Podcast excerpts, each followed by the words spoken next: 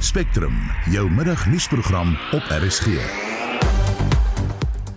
Gister se begrotingsrede bring volgens een ontleder min hoop.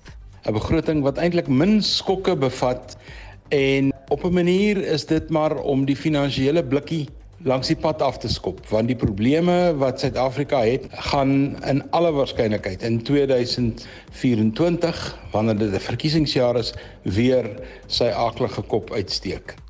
Te midde van negativiteit oor die begrotingsrede sien 'n landbouekonoom steeds 'n silwer randjie en die Eskom baas onthul skokkende besonderhede oor misdaad by die kragverskaffer. Hoe baie daarvan kan ons glo? Die span is Justin Kennerly en JD Labuskaghni. Ek is Marlene Forsie.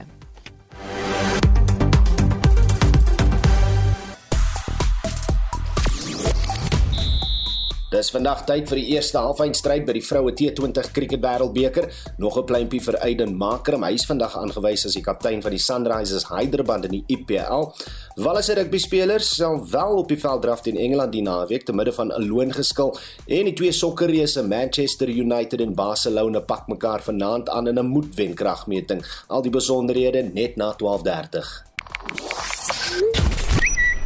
Op sosiale media is die hitsmerke Eskom, De Ruyter en De ANC baie gewild. Eskom se bestuurshoof, Andre De Ruyter, is gevra om vroeër sy pos te verlaat na hy misdaad syndikaate en korrupsie by die kragverskaffer oopgevlek het.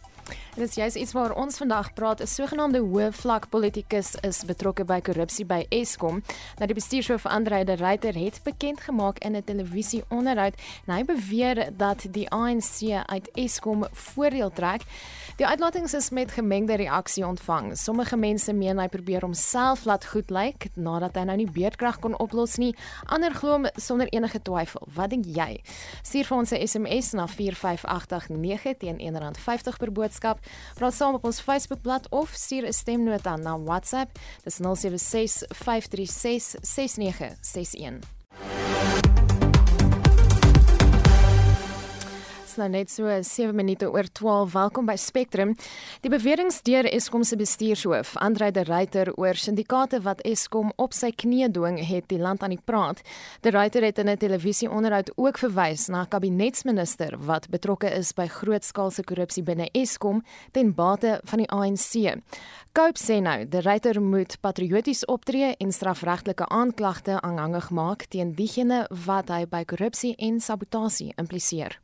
We are not surprised by the sudden departure of Andre de Ruyter from ESCOM. The allegations made by Andre de Ruyter are very serious and need to be investigated by the police. We expect Andre de Ruyter to be patriotic and expose this minister. The country is in a serious crisis because of this corrupt minister and his cabal. Die Al Jamaa leier die Vendrix betreur die nuus dat Ryter skielik sy pos verlaat het. It is very shocking that the CEO of Eskom Andre de Ruyter is not serving his full notice period.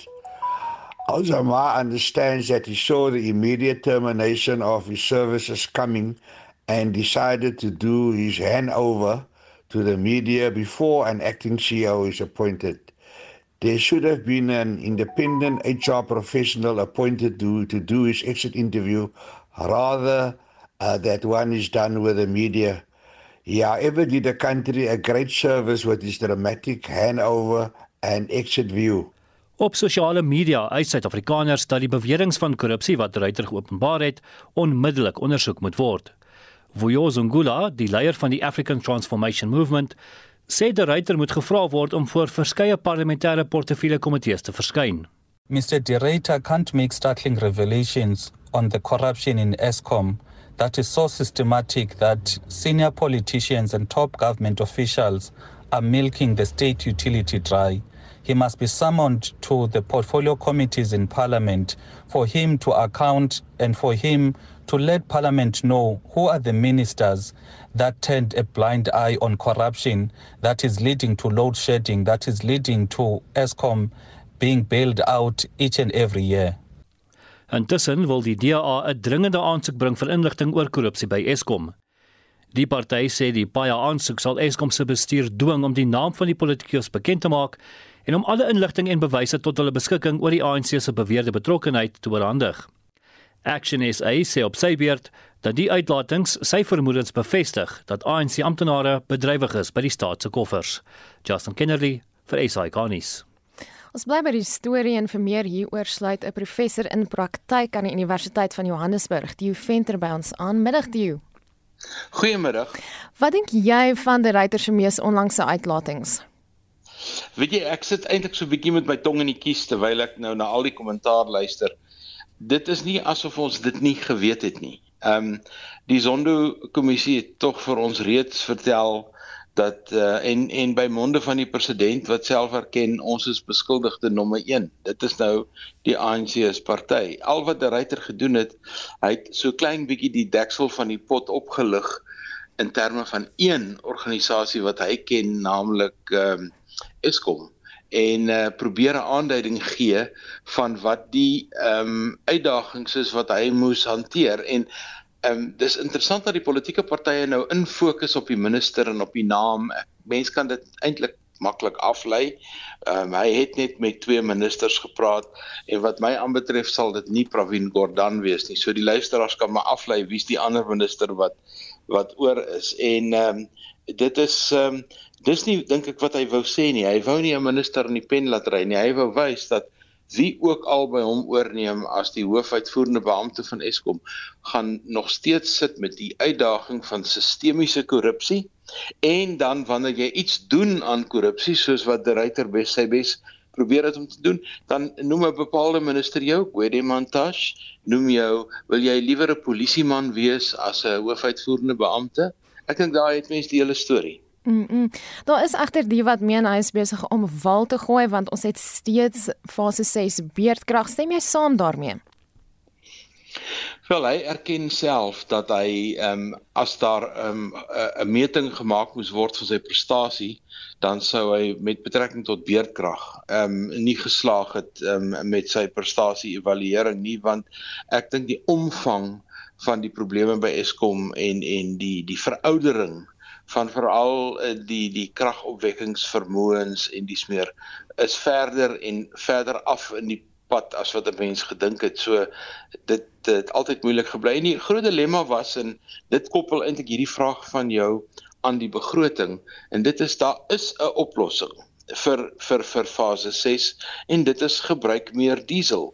Maar die die toegang tot fondse om te betaal vir diesel ons weet die dieselbegroting was 11 miljard dit trek nou al um, by die 30 en dit gaan nie ophou nie maar dit is die korttermyn oplossing is meer geld vir diesel. Want die ander oplossings of dit nou uh solar op jou dak is en of dit ehm um, wat is wat ook al is wat ons beplan of ons skepe in die hawe gaan kry, dit gaan nie hierdie jaar al funksioneer nie. So ons werk met 'n langer termyn oplossing, maar daar is korttermyn um, oplossings ook, maar dit is duur en ek dink wat ons ook gesien het met betrekking tot Eskom is die rol wat nasionale tesourie speel in ten opsigte van die beskikbaarmaking van geld en op teen watter tempo en hoe Eskom dit wil kry en wat die aanvraag proses is, neem eenvoudig net te lank. Mm. Jy het vroeër verwys ehm um, toe ek en jy gepraat het voor die onderhoud. Jy het gesê die minister skop die blikkie in die straat af met hierdie onderhoud. Hoekom sê jy so? Met die begroting. Ja. Ehm um, ja, kyk, die begroting was 'n baie 'n baie neutrale begroting. Daar's ehm um, heelwat ekonome wat positief voel oor die begroting want daar is nie regtig verhogings in belasting nie. Ehm um, die die almal het verwag dat die brandstof ehm um, heffing verhoog sal word. Dit het nie verhoog nie. Ehm um, die die die skale waarop belasting gevra word word met uh, inflasie aangepas. Ehm um, die die regering gaan probeer om sy ehm um, skuldverpligtinge beter te bestuur en hy gaan probeer om soos in die dae van Trevor Manuel 'n begroting op te stel wat as mens nou skuld afbetaling aftrek van die begroting af om eintlik met 'n oorskot te eindig. Ehm um, so dis alles positief. Maar dit ehm um, verskuil eintlik die groter probleme wat daar in die Suid-Afrikaanse ekonomie lê. As jy net twee bedrae met mekaar vergelyk, na sosiale uitgawes, dis nou gesondheidsorg, ehm um, skole, ehm um, sosiale ehm um, uh, toelae en dies meer wat omtrent 60% van die begroting is, is die naas grootste uitgawe is betaling van ons skuld uh wat ons het. En en dit is eenvoudig dit raak dit kom op 'n punt waar ons nou al 19 sent in elke rand uh van elke belastingrand wat inge wat geïn word betaal ons af van skuld. En as ons dit nie begin stop nie dis waarvan ek praat. Daardie probleem moet gestop word. En en en nou ehm um, wat wat die regering eintlik doen hy besnoei op sekere plekke waar hy eintlik nie behoort te besnoei nie. Kom ons dink net aan een voorbeeld die weermag. Die weermag se begroting tussen verlede jaar en hierdie jaar bly feitelik dieselfde in reële terme neem dit eintlik af terwyl die uitdagings vir die weermag in terme van ramptoestande en riviere wat in vloed is en 'n 'n tornado of 'n orkaan wat op pad is en al sulke soort van goed en ons het een vragvliegtuig wat operasioneel is. Ons helikoptervloot is omtrent almal op die grond. So dit is waar daar gefokus moet word, maar hierdie besparings ehm um, paradigma waarin nasionale tesourie is, bespaar op vreemde plekke tot nadeel ehm um, van Suid-Afrika en ons spandeer te min aan kapitaalspandering. Ons spandeer te min aan die dinge soos die bou van brûe, paaie en die ontwikkeling van infrastruktuur. Baie dankie, dit was 'n professor in praktyk aan die Universiteit van Johannesburg, Theo Venter. Die sentrale energiefonds het intussen gereageer op die Reuters se TV-onderhoud gisteraand.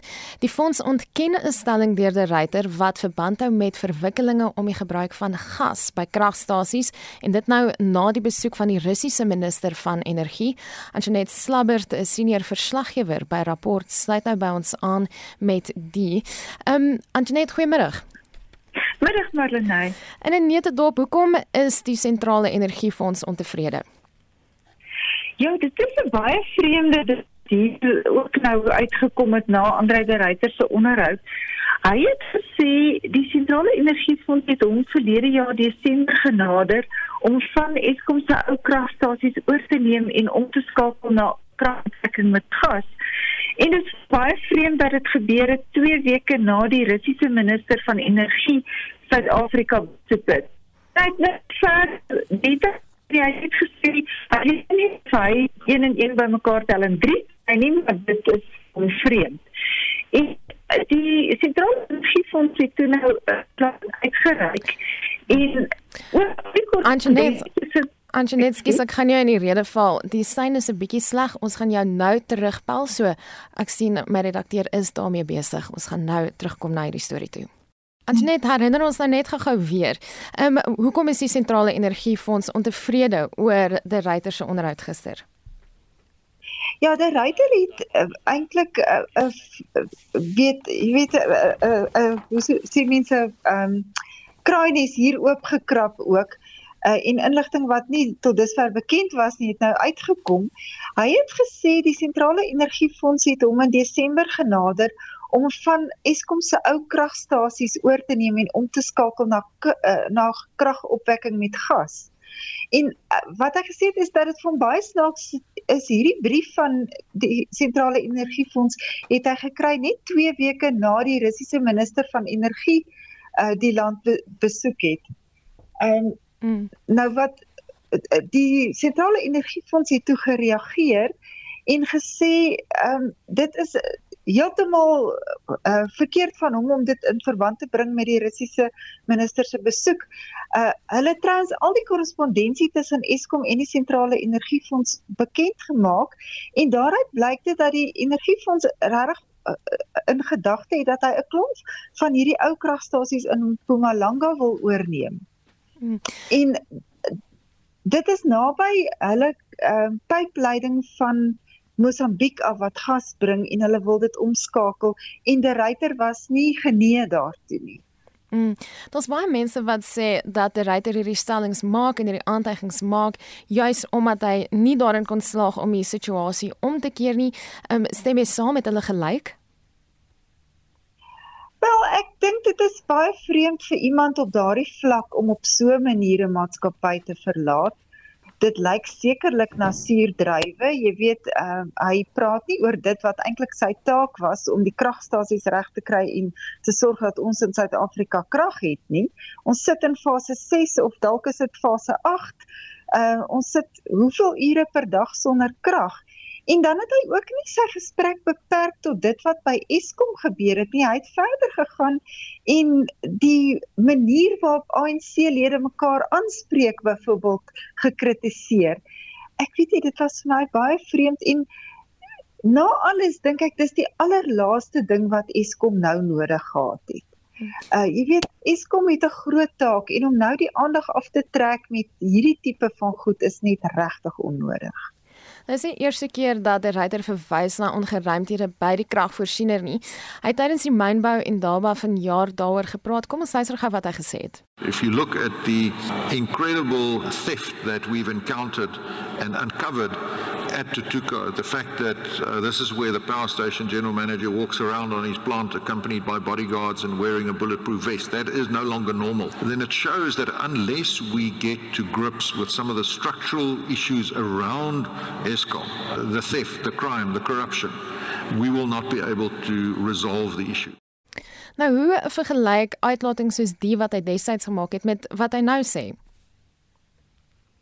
Wel ek dink dis die voortsetting van 'n tema dat daar geweldig baie uh, ongeruimthede binne Eskom is, maar dit is nie vir een van ons 'n geheim nie. Ons het dit gehoor by die Zondo-kommissie. Ons het nou al hoeveel inhegtenisnemings gesien. Daar's sake wat in die hof is. Dit is glad nie 'n geheim nie. Ehm um, maar Marlenae dis ook nie net by Eskom die geval nie. Ons moet maar erken ons leef in 'n land waar misdaad hoogtyd vier en elke uitvoerende hoof van 'n groot maatskappy daarmee te doen. Uh, jy kry dit by myne waar daar gesteel word op die terrein. 'n Party myne word heeltemal gekaap. Ek het nou die dag gehoor van maatreëls wat Sasol byvoorbeeld in plek het om die die vervoer van hulle steenkool van die myn na die na waar dit moet heen gaan te monitor. Daar's goed wat gedoen kan word. En enige aandeelhouer verwag dit van 'n mynbaas om byvoorbeeld daai misdaad te beperk. Sekerlik kan ons dit ook verwag van die baas van Eskom. Hmm. 'n Laaste vraag aan jou Antoinette, hoekom sien ons nie dat mense uitgewys en vervolg word vir hierdie misdaad nie? Ek dink nie dit is dat ons dat dit nie gebeur nie. Daar is definitief sake wat aangemeld word as mense wat in hegtenis geneem word. Daar is sake in die hof. Maar ons weet ook dat ons vervolgingseenhede, ons uh, wetstoepassingseenhede almal uitgehol is en ook dat daar vermoedens van korrupsie is uh, uh, op baie plekke in daardie organisasies. Ons is as staat geheel en al verswak deur staatskaping en 'n algehele uh, gees van wetteloosheid en dit is die vrugte wat ons daarvan pluk. Eskom sit nou sonder 'n uitvoerende hoof. Wat kan ons verwag in die nabye toekoms? Ja, mens wonder wie sal nou die die pos wil aanvaar na hierdie debakel, nê, nee, en met uh, al die bagasie wat saam met die pos kom. Uh, daar is reeds 'n proses aan aan die gang om te kyk vir 'n opvolger vir die die ruiter. Daar is 'n uh, maatskappy aangestel om die uh, kandidate te keer en 'n 'n lys saam te stel van moontlike kandidaate en die die direksie sal daarna moet kyk, uh, maar wie die pos gaan wil hê terwyl hy ook nog bykomende minister gaan kry, dit weet ek nie. En daarmee roep ons al dit was Antoinette Slabber, die senior verslaggewer by Rapport wat daar veral op die energiekrisis toespits. Ons verskuif die aandag terug na die begrotingsrede en vir meer perspektief uit die landbousektor praat ons met 'n landbouekonoom en die hoof van inligting en bemarking by FNB, Dawie Maree. Middag Dawie. Goeiemiddag Marine. So, kom ons begin met die um, met jou oorhoofse indrukke. Wat het jy gedink van die begroting? Marlene, ek dink ons sê elke jaar, weet dit is moeilike ekonomiese omstandighede waarbinne die die minister die die begroting moet lewer en ek dink hierdie jaar was nie 'n uitsondering nie. Maar ek dink verkewe dit het die minister tog eintlik 'n positiewe begroting gelewer veral uh, uit die oogpunt van die landbousektor. Mm.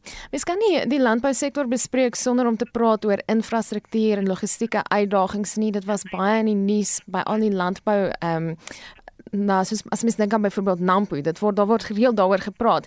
Dink jy die begroting maak voldoende voorsiening hiervoor? Of dit voldoende is, weet ek nou nie, is ek nie so seker nie, want ek dink daar is weet ons sit met dieselfde dieselfde probleme met Eskom. Die onderhoud het so ver agteruit gegaan dat dit eintlik moeilik is om dit om te draai. Maar die feit dat daar werklik in die begroting 'n voorsiening gemaak word vir infrastruktuur en logistiek, dink ek is baie positief. Hmm. Ehm um, ek dink enige persoon wat in 'n landelike omgewing bly sal sal weet hoe hoe gebrokkel die paaie en die infrastruktuur in die algemeen. Weet jy nou om dan nou jou landbouprodukte op 'n goeie kwaliteit uh, by die hawe te kry om uitgevoer te word is een probleem en dan om dit op 'n skip te kry en wel uit te voer is die volgende probleem. So ek dink ons is baie dankbaar daarvoor dat die minister uh, weet daardie uh, toegewing gemaak het of of uh, begroting gegee het vir uh, infrastruktuur en en natuurlik logistieke ontwikkeling. Hmm. En kom ons gaan staan 'n bietjie stil by brandstofverbruik, die vervoer van produkte. Wat dink jy oor die begroting en hoe dit daarvoor ingerig is? Ek ons ons, ons kry in die landbousektor kry ons 'n dieselrabat uh, waar 'n gedeelte van die padongelukke fonds byvoorbeeld uh, nie nie betaalbaar is nie en natuurlik ook 'n gedeelte van die belastingheffing of of brandstofheffing uh, wat vir landbou 'n uh, toegewing gegee word. Die feit dat dit nie ver, verminder is nie of verander is hierdie jaar nie, dink ek is, is is ons baie dankbaar daarvoor. Maar verder het die minister ook 'n toegewing gemaak en gesê dat uh weet die die padongelukke fonds heffing uh op diesel wat gebruik gaan word in die vervaardiging van voedsel So dit kan natuurlik kragopwekkers en al daai tipe goed insluit. Dat dit ook uh uh sal wegval vir die volgende jaar of 2. Uh is ons baie dankbaar vir. Ek ek dink dit sal definitief die landboubesigheidssektor baie help. Ehm um, daar is tog diegene wat voel dat hierdie hierdie tydperk nie noodwendig genoeg is nie, dat dit dat dit nie genoeg tyd is nie, dat hulle dit eerder vir 2, 3 jaar sou wou sien as net 1 jaar. Wat dink jy daarvan? Ek ek dink definitief dit is die geval. Eintlik moet ons die hele brandstofprys en die hele brandstof die die diesel rabat hersien. Dat ons eintlik oor die langer termyn meer voorsiening kan maak daarvoor. Ek dink as ons dit hersien en ons kan insluit laat enige diesel wat in die vervaardiging van voedselprodukte gebruik word, weet eintlik ook uh uh kan uh hoe kan ek sê uh 'n rabat toegeken kan word soos wat op landbou diesel is dink ek dat dit sal die landbousektor en op die ou en die verbruiker ook baie help. So dink nie eers net 2, 3 jaar nie, dit moet 'n langtermyn ding wees. Die die dieselrabat is een van die bittermin dinge wat die wat die boere op die, die landbousektor in Suid-Afrika nog het wat ondersteuning van die staat afkom. Uh verder ons kry geen subsidies uh, soos wat ons uh, ander lande ons mededingers byvoorbeeld in Europa kry nie. So hierdie hierdie rabat is iets wat ons moet beskerm, maar ek dink in die toekoms eintlik moet uitbrei ook. Hm. Baie dankie, dit was 'n landbou-ekonoom en die hoof van inligting en bemarking by FNB, Dawie Marie. Goed, dit is nou 12:29. Die Weskaapse regering en die taksi-organisasie Santaku hou die wiele aan die rol oor die pad vorentoe. Ek is baie dankbaar dat ons mekaar kry het. Ek dink daar's 'n paar issues waar ons definitief kan sê luister, ons kan nie die wet nie toepas nie en ons gaan nie nie uh, optree wanneer die bedryf iets verkeerd doen. En ons vind meer uit oor die geheime trappie wat by die Voortrekker Monument ontdek is. Bly ingeskakel.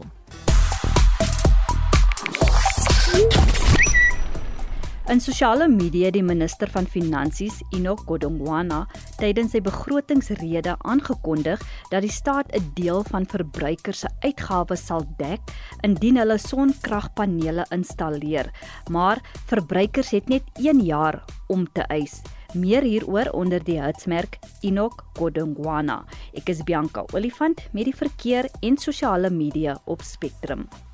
Nou ja, ons praat oor hierdie sogenaamde hoëvlak politikus wat betrokke is by korrupsie by Eskom. Die bestuurshoof Andre de Ruyter het dit bekend gemaak in 'n televisieonderhoud waarin hy beweer dat die ANC uit Eskom voordeel trek en ons wil weet wat dink jy hieroor? En dan kyk ek so hier op die SMS lyn mense wat sê hou op om de Ruyter te kruisig. Die ANC wil nie die waarheid hoor nie. Dis Endrika wat so sê en dan nog iemand wat laat weet dit moes traumaties wees om vergiftig te word word, was dit nie na die besoek van die Russiese energieminister in die brief nie. Ehm um, hulle sê hulle vir, hulle verkwalik nie die ryter vir die terugkap daar nie. En dan wat die begroting betref, is iemand op die SMS-lyn wat sê ou mense word nie genoeg geld gegee nie. Ons moet baie goed betaal, krag en water en ons kry net R2000 vir 'n maand. Gee vir die regering ehm um, soveel geld en dan kyk ons wat hulle kry. Jy's welkom om saam te gesels. Jy kan 'n SMS stuur na 4588910 R50 boodskap. Kan ook saampraat op ons Facebookblad of stuur 'n stemnota na 0765366961.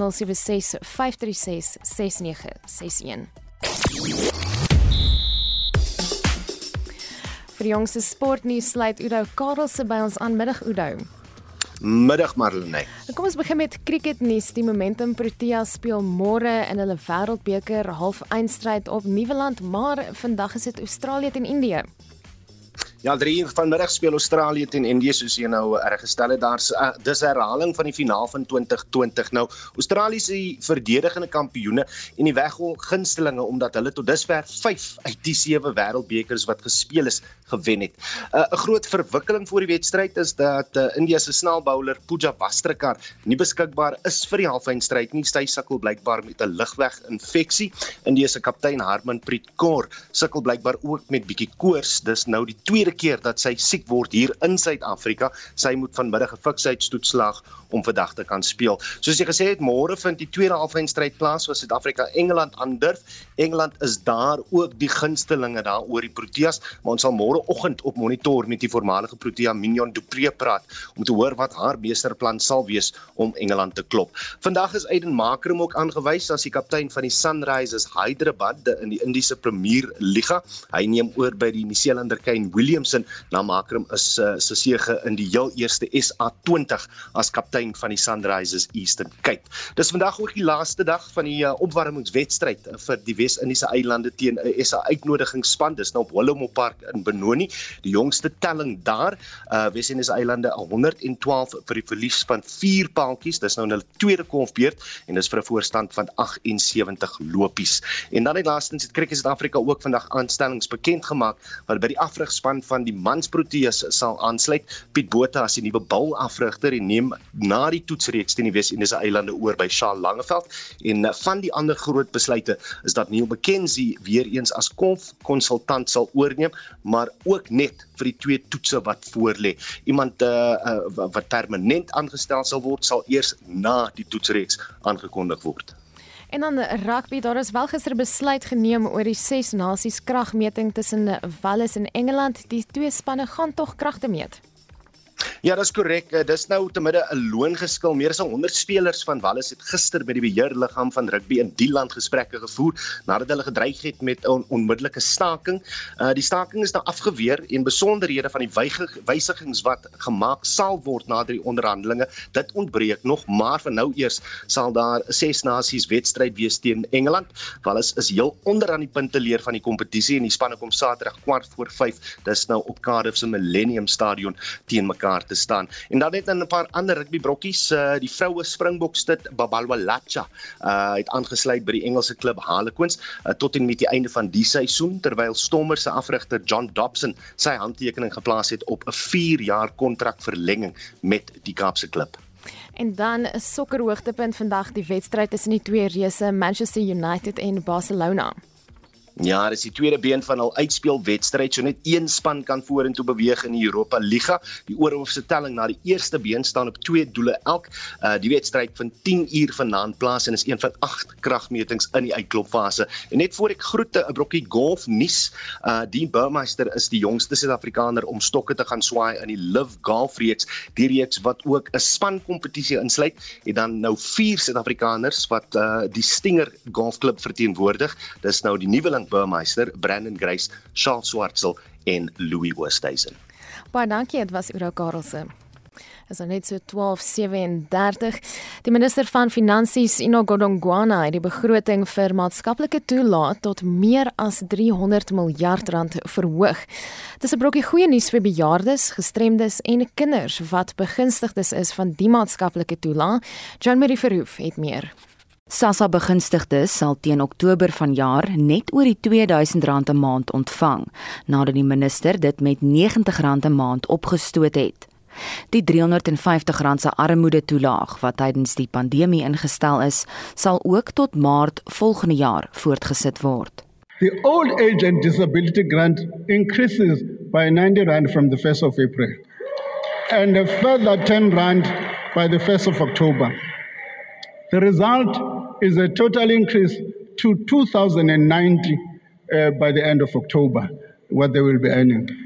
The The child support grant rises from 480 to 510 from the 1st of October, while the foster care grant increases from 1,070 to 1,130 over the same period. 23 billion and 22 billion will be allocated to health and basic education, respectively, to cover the shortfall in compensation budgets and to improve services. 8 billion is allocated for basic services through the local government equitable share. Brett Heron, die Good Party se sekretaris-generaal, is egter nie tevrede hiermee nie. Hy sê Godongwana se begroting is nie tot voordeel van die land se kwesbares nie. The increased economic growth that was unexpected for last year, the increased tax collection revenue doesn't accrue to the people who need it most in this budget. The failure to increase the social relief of distress grant, as the president hinted would happen, is a massive failure of poor people in South Africa. Die ANC se Maoloko Kubai het ook hierop gereageer. The grants currently are needed while we are growing the economy and having to expand on making sure that people remain and continue to have something to eat on their table. Die verslag is saamgestel deur Notando Magudulela, ek is Jean Marie Verhoef vir SAK nuus. Die Vryheidsfront Plus sê in reaksie op gister se begrotingsrede dat Suid-Afrika ekonomies diep in die moeilikheid is. Die party se leier, Dr Pieter Groenewald, is op die lyn. Middag Pieter. Goeiemôre Marlene. Voel jy positief of negatief oor wat gister gesê is? Kyk, daar is seker goed wat positief is, maar oor die algemeen is my standpunt dat ons moet eintlik baie bekommerd wees. Ek is bekommerd in die opsig dat ek dink die publiek word soms bietjie mislei. En die rede hoekom ek dit sê is dat die minister het ook aangekondig dat hulle oor die vorige mediumtermyn het hulle eintlik 90 miljard rand meer ingesamel in belasting as wat hulle verwag het. Nou dit skep die indruk is baie goed. Maar as ons gaan kyk na die staatsskuld, is dit uiters kommerwekkend want oor die volgende mediumtermyn gaan die staatsskuld styg na 5,84 biljoen rand.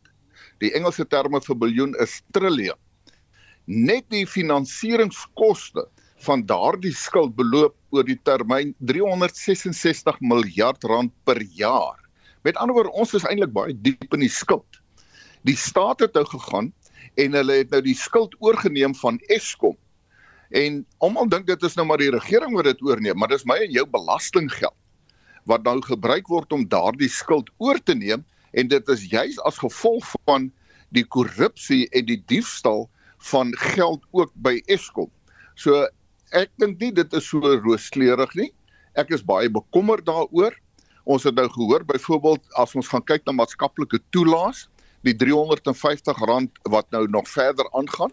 Maar die Vryheidsfront Plus het ook gesê toe dit ingestel is destyds met COVID dat die oomblik as jy so toelaag ingestel het, gaan jy dit nooit weer kan terugvat nie.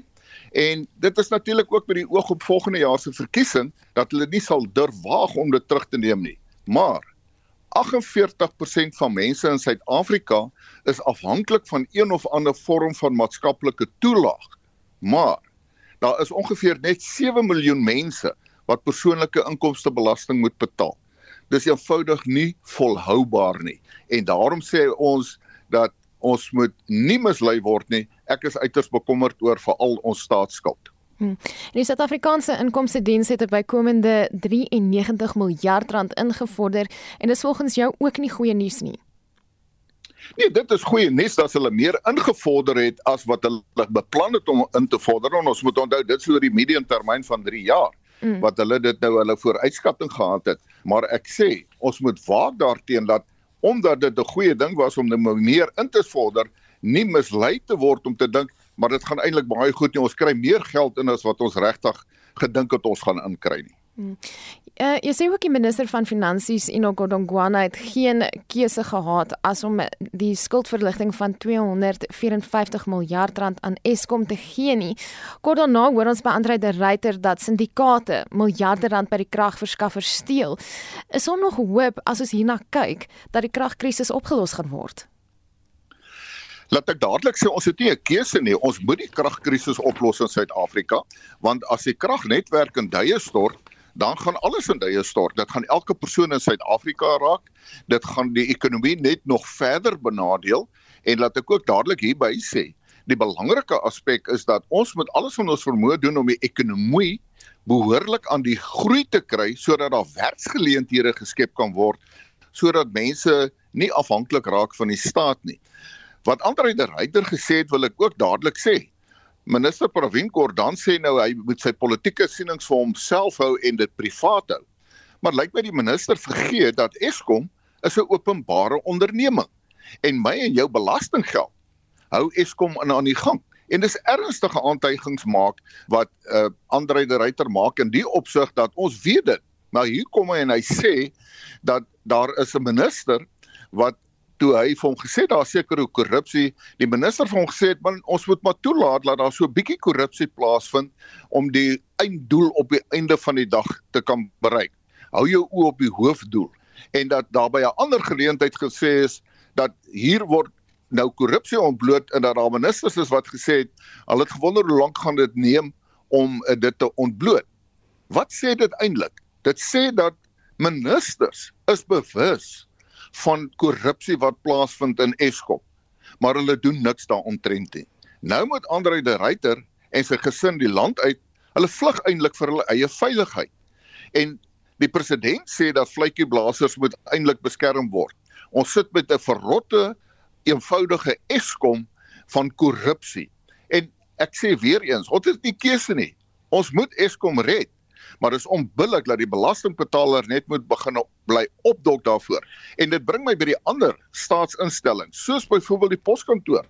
Die poskantoor is tegnies bankrot. Hy's in 'n proses van likwidasie, maar hy kry 2,4 miljard rand meer.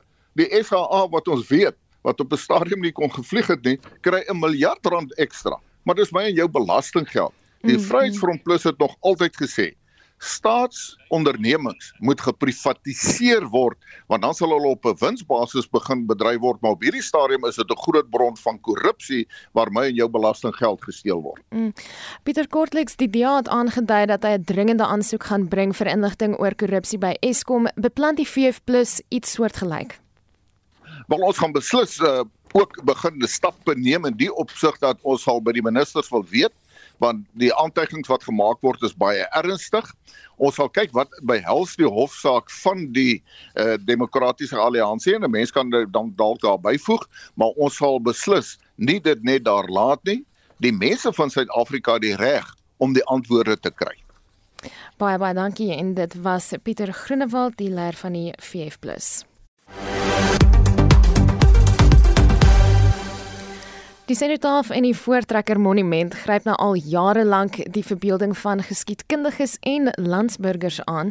Nie net oor die besonderse oomblik wat die son daarop skyn op die 16de Desember nie, maar ook oor die inhoud daarvan.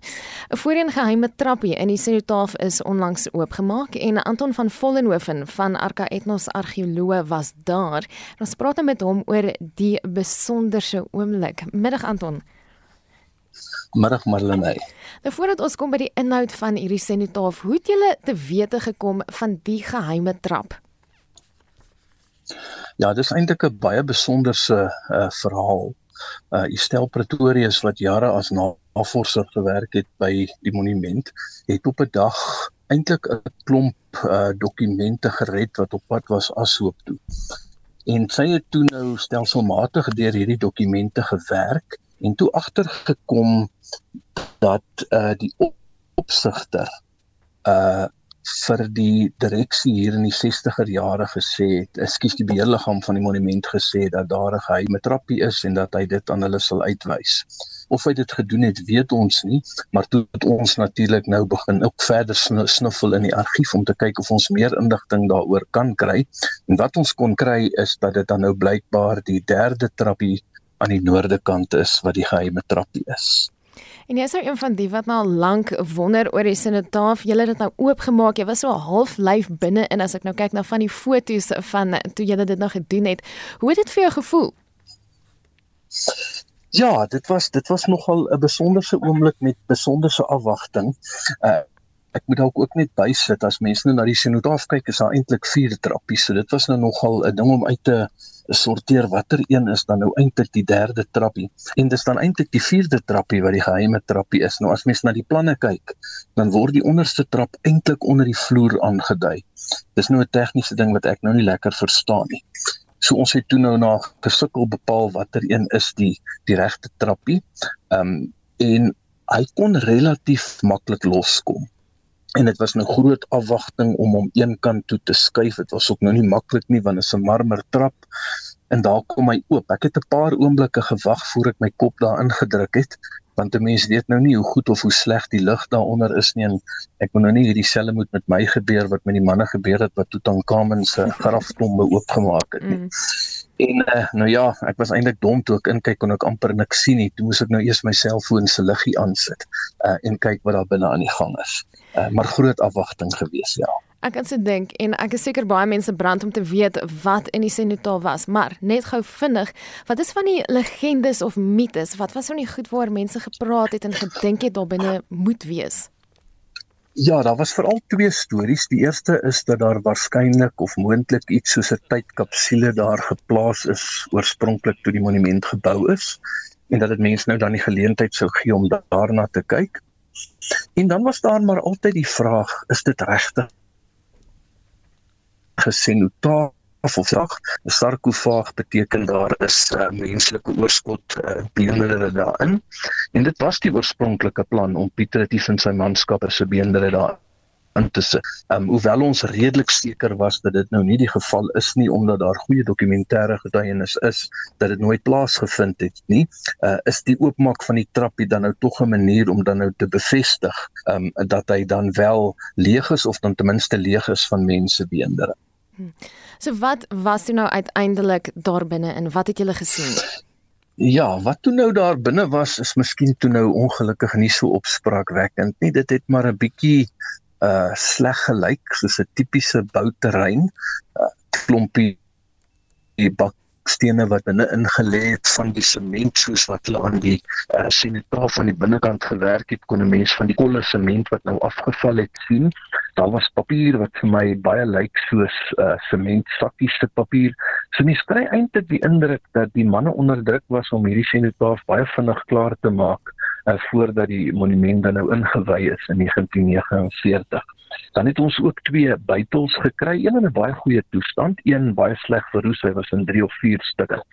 En dan die mees besonderse, uh toe ek nou mooi met die lig binne in skyn, toe sien ek teen die dak die voorletters WF to P. Nou dit verwys na WF to Plessis en dit is sy firma wat die bouaannemer vir die monument was en hy het natuurlik nou besluit hy wil homself in die monument vir ewig op hierdie manier en waarskynlik het niemand ooit geweet dat hy dit gedoen het nie. Uh so dit was dan nogal iets spesiaals om te vind. Baie dankie, dit was professor Anton van Vollenhoven van Arca Ethnos Argeoloog, hy is ook verbonde aan die Noordwes Universiteit en as jy nou net die stert van die onderhoud gevang het, onthou dat jy weer daarna kan gaan luister op potgooi. Vandag se sake nuus word aangebied deur Chris Weemeier, 'n portefeuljebestuurder by PSG Wealth Pretoria Oos. Goeiemôre Marlenae. Ons sien vandag op die mark veral finansiële aandele wat goed vertoon. Ons het heelwat maatskappye resultate uit en eh, die mark tans 0,4% sterker 78475. So ek sê die finansiële indeks 1,1% sterker, nywerheids 0,5% hoër en hulpbronne 11% swakker. Tans uh, veral die uh, randverskansers wat ook vandag nie te sleg vertoon met die rand wat baie swak vertoon teenoor die groot geldeenhede nie. Maar van die maatskappye wat die oog vang vandag Discovery Hulle prys tans 3,3% hoër op R147 en dit was nadat hulle vroeër vanoggend interim resultate uitgebring het. Daar was 'n 11% daling in hulle wins na 2,94 miljard rand toe en hulle het ook die dividend weerhou. Dan Anglo American ook vroeër uh, met uh, verdienste uh, uitgekom. Hulle interim verdienste was ook laer uh you know 4,5 miljard uh dollar toe. Hulle het hulle dividend ook gesny van 1 dollar 18 na 74 sent toe. Hulle omset was ook 15% laer. Anglo American se prys vandag uh ook maar 'n uh, bietjie hoër. Hy verhandel tans Ehm um, net om vinnig hier kry op die beurs, uh, hy staan uh, 0,7% laer op R665.15. So uh, nie te goeie syfers nie en dan uh, een van die aandele wat uitstaan vandag is maar uh, Richmond. Daar is gerugte dat uh, LVMH, die groot internasionale luuksegoedere maatskappye, sy vloers wil uitsteek na Richmond se kant toe en uh, Richmond se prys staan se 3 kwart van 'n persent hoër op R283.11. Nou van die ander aandele wat die oog vang, uh Bitcoin wat vandag uh met uh, vroeër in die week met goeie resultate uitgekom het, sy prys 3,1% hoër, Tiger Brands 2,3% hoër op R228 en dan sien ons Sasol wat ook die laaste tyd swaar gekry het 1,8% sterker op R262.75